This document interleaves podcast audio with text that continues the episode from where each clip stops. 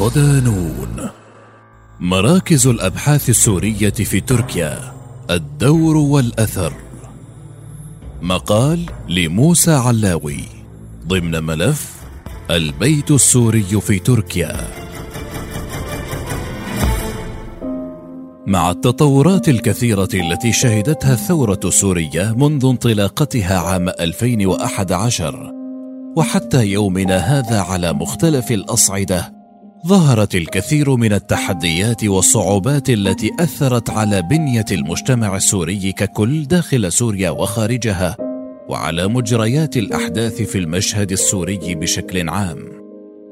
إضافة إلى التأثير الكبير والواضح لبعض الدول والجهات الإقليمية في القضية السورية من جهة وظهور العديد من الجهات المعارضة الفاعلة والمؤثرة على المستوى المحلي من جهة أخرى. لتشكل هذه التحديات البيئة الخصبة والمحفزة لظهور العديد من مراكز الأبحاث السورية. هذه المراكز ركزت في أعمالها وأبحاثها على تلك التغييرات كما أنها عملت على إصدار استطلاعات الرأي وتزويد وسائل الإعلام بخرائط سيطرة الأطراف كافة على الأراضي السورية. بالإضافة إلى عقد مؤتمرات وندوات واستضافة شخصيات كبيرة لتكوين حالة معرفية أكبر لدى السوريين.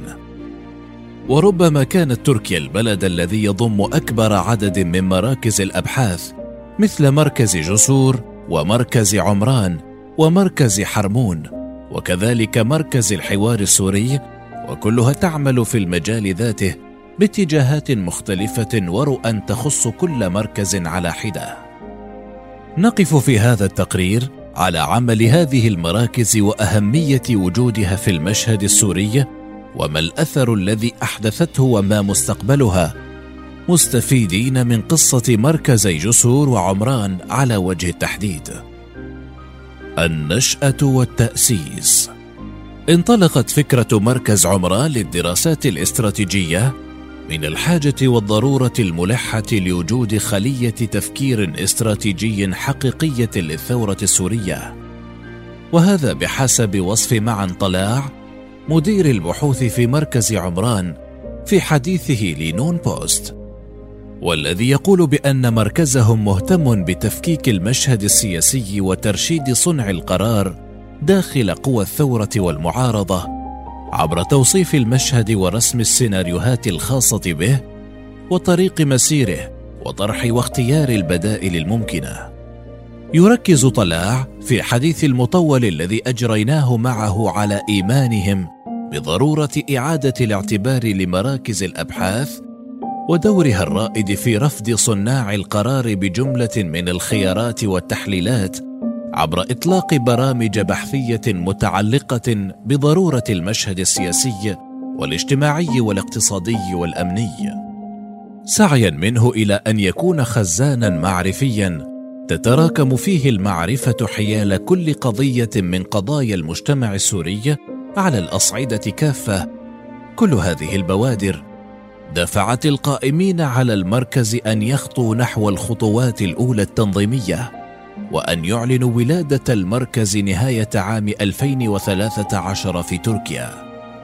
وفي ذات السياق البحثي، يبرز مركز جسور للدراسات كمؤسسة تعنى بالشأن السوري وتحليله، وإصدار قراءات مستمرة بما يخص السياسة والاقتصاد والمجتمع، كما يجري ندوات ومحاضرات، إضافة إلى احتضانهم مجموعة من الباحثين الذين يدلون بآرائهم فيما يخص القضية السورية على الشاشات التلفزيونية. كل تلك الأنشطة يتحدث عنها محمد سرميني مؤسس ومدير مركز جسور للدراسات لنون بوست. انطلقت فكرة جسور للدراسات عام 2015 وبدأ العمل به بشكل رسمي في الشهر الأول عام 2016 ويتطلع وفقا للقائمين عليه إلى أن يكون المرجعية المعتمدة وطنيا واقليميا فيما يتعلق بشؤون المنطقة بأبعادها المختلفة وهو الأمر الذي يضعه على المحك أمام فئته المستهدفة كما يسعى المركز بحسب سرميني إلى الارتقاء بمستوى الوعي السياسي والاجتماعي والاقتصادي في سوريا والمنطقة. وتحقيق الجودة الشاملة في المادة التي يقدمها والطرح ونوعية الموضوعات بالإضافة إلى تسهيل الوصول إلى المعلومة ومتابعة التطورات بأساليب ووسائل متنوعة. الأعمال والنشاطات. يهدف مركز عمران من خلال عمله إلى دعم آليات اتخاذ القرار واقتراح استراتيجيات خاصة بالشأن السوري. وتقديم توصيات لأصحاب القرار من خلال اقتراح حلول وخيارات تتميز بالموضوعية والدقة. بالإضافة إلى إصدار مخرجات علمية تشخص بدقة وعمق كل المشاكل والصعوبات التي تواجه سوريا والمنطقة وتستشرف البدائل والمآلات وذلك بلغات متعددة بهدف تسهيل التفاعل مع السياق الدولي والإسهام في تحقيق التراكم المعرفي الذي يخدم القضية السورية وفقا لما ذكره الطلاع. ووفقا له فإن أعمال المركز تتركز في إطارين أساسيين هما المخرجات والنشاطات ومساحات اهتمام المركز والأولى تكون عادة عبارة عن التقارير الدورية الإعلامية والعسكرية والمدنية والسياسية بالإضافة إلى رصد المخرجات العلمية لأهم مراكز الأبحاث في العالم التي تهتم بالشأن السوري. بالإضافة إلى العمل على تقديم دراسات بحثية مفصلية في محاور متعددة وإنتاج خرائط متعلقة بتحليل المعلومات وربطها بأطر شاملة وتقديمها على شكل خرائط توضيحية والقيام باستطلاعات رأي وجمع معلومات ميدانية. وتتنوع المجالات التي يقدمها مركز جسور للدراسات بحسب ما رواه لنا السرميني بداية من الدراسات والأبحاث التي تشكل صلب عمل المركز وتتنوع بين الدراسات والتقارير التحليلية والمعلوماتية وتقارير الموقف والتحليلات القصيرة عبر أشكال مختلفة إضافة إلى تقديم برامج لإعداد الباحثين وأخرى لتطوير مهارات التحليل السياسي. الأهمية والفائدة المرجوة. يقول مدير البحوث في مركز عمران المشهد السوري اليوم بات معقدا وذا كم هائل من التركيب سواء على خريطة الفاعلين وتعقيد مصالحهم أم على مستوى الأزمات التي تركبت في المشهد السوري ككل. وإننا نحاول من خلال عملنا التأكيد على محور رئيسي وهو إعادة تموضع مراكز الأبحاث السورية في الداخل والخارج. في تموضعها العلمي المستقل والحقيقي لتعود فائدتها على المجتمع السوري دون أدلجة. وليس كما حاول نظام البعث في سياسته المعتمدة على تغييب عمل هذه المراكز أو حصرها في سياق تابع للسلطة. وتنتج إنتاجاتها العلمية بحيث لا تزعج النظام من جهة وتخدم تربية النظام من جهة أخرى. كما يضيف مدير مركز جسور للدراسات أنه مع تعقد المشهد السوري في السنوات الأخيرة نتيجة لتدخل فاعلين خارجيين كثر وتعدد الفاعلين المحليين أصبح إدراك وفهم المشهد الحالي عسيرا على السوريين أنفسهم. ناهيك بالمتابعين من خارج المشهد كما أصبح استشراف المستقبل حتى القريب منه مهمة شاقة حتى على الخبراء. وتستدعي هذه العوامل مجتمعة وجود عدد كبير من المراكز البحثية المختصة بالشأن السوري من جوانبه كافة بما يساعد في إيضاح الصورة الملتبسة الحالية وفي توقع السيناريوهات المستقبلية للمشهد. ويضيف سرميني بالمجمل فإن مراكز الأبحاث تمثل أحد مظاهر تطور المجتمعات ونموها حيث يلاحظ انتشار هذه بشكل كبير في الدول الصناعية خاصة الولايات المتحدة وأوروبا.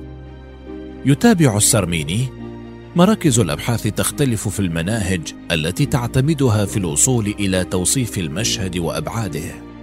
وفي استشراف المستقبل لكن يمكن القول بصورة عامة إن مراكز الأبحاث تساهم في أمر أساسي وهو إثارة النقاش بشأن القضايا الإشكالية التي تواجه المجتمع.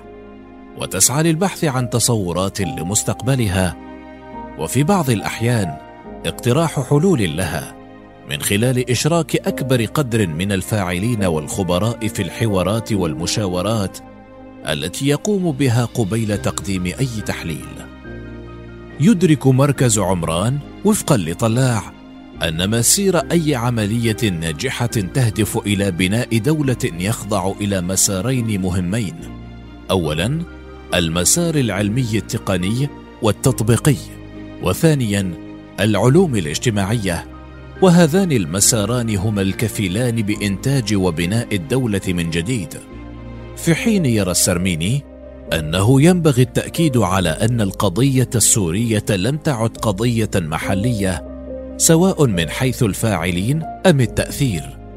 أي أن توصيف المشهد السوري ومحاولة استشراقه لم تعد ممكنة دون فهم تجاذبات القوى في المنطقة والعالم. وبالتالي فإن هذه الدراسة لم تعد شأنا سوريا خالصا. المساهمة في رفع الوعي السياسي. يقول مدير البحوث في مركز عمران المركز لا يكتفي في إنتاجه للعمل البحثي على روتين الدورة الإنتاجية النموذجية بدءا من المقترح وحتى النشر بل إنه يولي اهتماما كبيرا في مرحلة ما بعد النشر محاولا إيصال أهم النتائج لكل شرائح المجتمع عبر أدوات متعددة كالمحاضرات والندوات. في ذات السياق يعمل مركز جسور على تقديم ملخصات مركزة في مجال التحليل السياسي إلى القارئ العادي بحيث لا يكون هذا التحليل خطابا يتداوله المختصون فيما بينهم فحسب. حيث تمكن المركز في السنوات السابقة من الوصول إلى جمهور عريض من السوريين الذين لم يعتادوا قراءة مخرجات مراكز البحث وغدت مخرجاتنا مطلوبة من القارئ العادي جنبا إلى جنب مع القارئ المختص وفقا للسرميني. حلول وخطط مستقبلية للسياسيين السوريين. في سؤالنا عن مساهمة مراكز الأبحاث في وضع حلول وخطط مستقبلية للسياسيين السوريين يجيب الطلاع. بدأت مراكز الأبحاث في الآونة الأخيرة في الخروج من مساحة العمل المختصة بالسياسة فقط إلى مساحات أوسع على كل المستويات الاجتماعية والاقتصادية والتنموية. الاجتماعية والاقتصادية والتنموية. وتحاول من خلال عملها قراءة التحديات والاستحقاقات القادمة. يضرب الطلاع مثالا على إحدى الفرضيات التي يستند إليها مركز عمران في عملية بحثه ويعتبرها من أهم الإشكاليات التي كانت في سوريا قبل الثورة وأحد أهم أسباب انتفاضة الشعب السوري على النظام المجرم وهي الملف الأمني. حيث يعمل مركز عمران منذ نهاية عام 2014 على إنتاج مجموعة من الدراسات التي تفكك هذا القطاع وما يحتويه من غموض محاولا أن يضع يده على أهم الثغرات الموجودة في هذا السياق لتقديم رؤية مستقبلية متعلقة بأجهزة الأمن في المستقبل كيف يجب أن تكون وما تستلزمه من إصلاحات دستورية وقانونية. ويضيف الطلاع وفي ذات السياق تمت دراسة المؤسسة العسكرية وكل هذه التحولات التي مرت بها وتقدم هذه الخلاصات ضمن ورش عمل مع الفاعلين الرئيسيين سواء السياسيين الوطنيين السوريين أم حتى الفاعلين في المشهد الإقليمي والدولي. وقدم المركز مقاربات تنفيذية تجاوب عن سؤال كيف الذي ينطلق من سؤال ماذا يريد السوريون؟ وكيف يجب أن يكون هذا التغيير سواء في الملف الأمني أو فيما يطرحه مركز عمران اليوم بنفس الأدوات فيما يتعلق بموضوع الحكم في سوريا؟ سوريا المستقبل. لا شك أن إعادة بناء سوريا بعد سنوات من الحرب والدمار وسلسلة من التدخلات الأجنبية التي ساهمت في تغيير بنية المجتمع والدولة السورية تتطلب جهدا فكريا وبحثيا في كل جوانب الحياة ابتداء من السياسة والاقتصاد وليس انتهاء بالشأن الاجتماعي والديني والثقافي. لكي تتمكن مراكز الأبحاث السورية من تحقيق تأثير ملموس على المجتمع والفاعلين.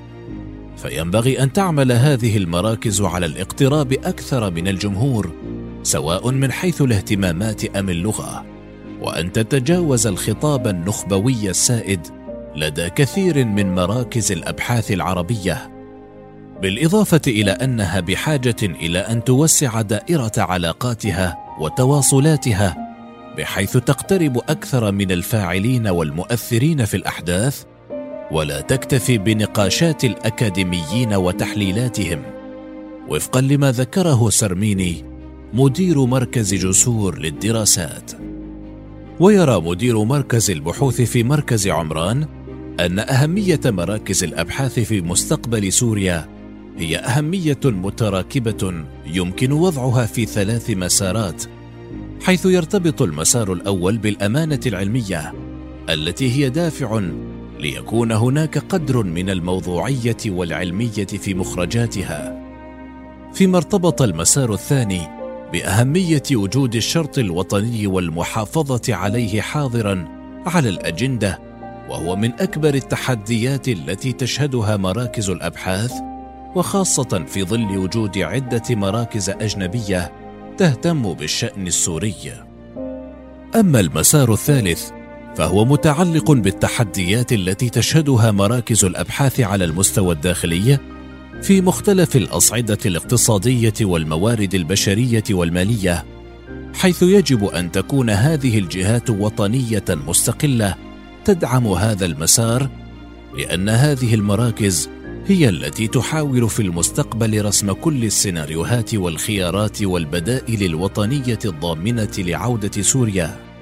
ختاما فإن مراكز الأبحاث والدراسات هي الإنجاز الحضاري الذي يعكس مدى اهتمام الشعوب والدول بالعلم والمعرفة وتسخيرها لتقديم الخطط والتوصيات التي تسهم في رسم آفاق المستقبل. كما أصبحت أحد أهم دلالات تطور الدول على مختلف أصعدتها وغدت سلاحا له وزنه وكلمته. فهل ستنجح مراكز الأبحاث السورية في المهمة الأصعب والأكثر الحاحا وتقدم مخزونا علميا ومعرفيا يسهم بشكل حقيقي في بناء رؤية جاهزة للتنفيذ وصولا لسوريا الجديدة.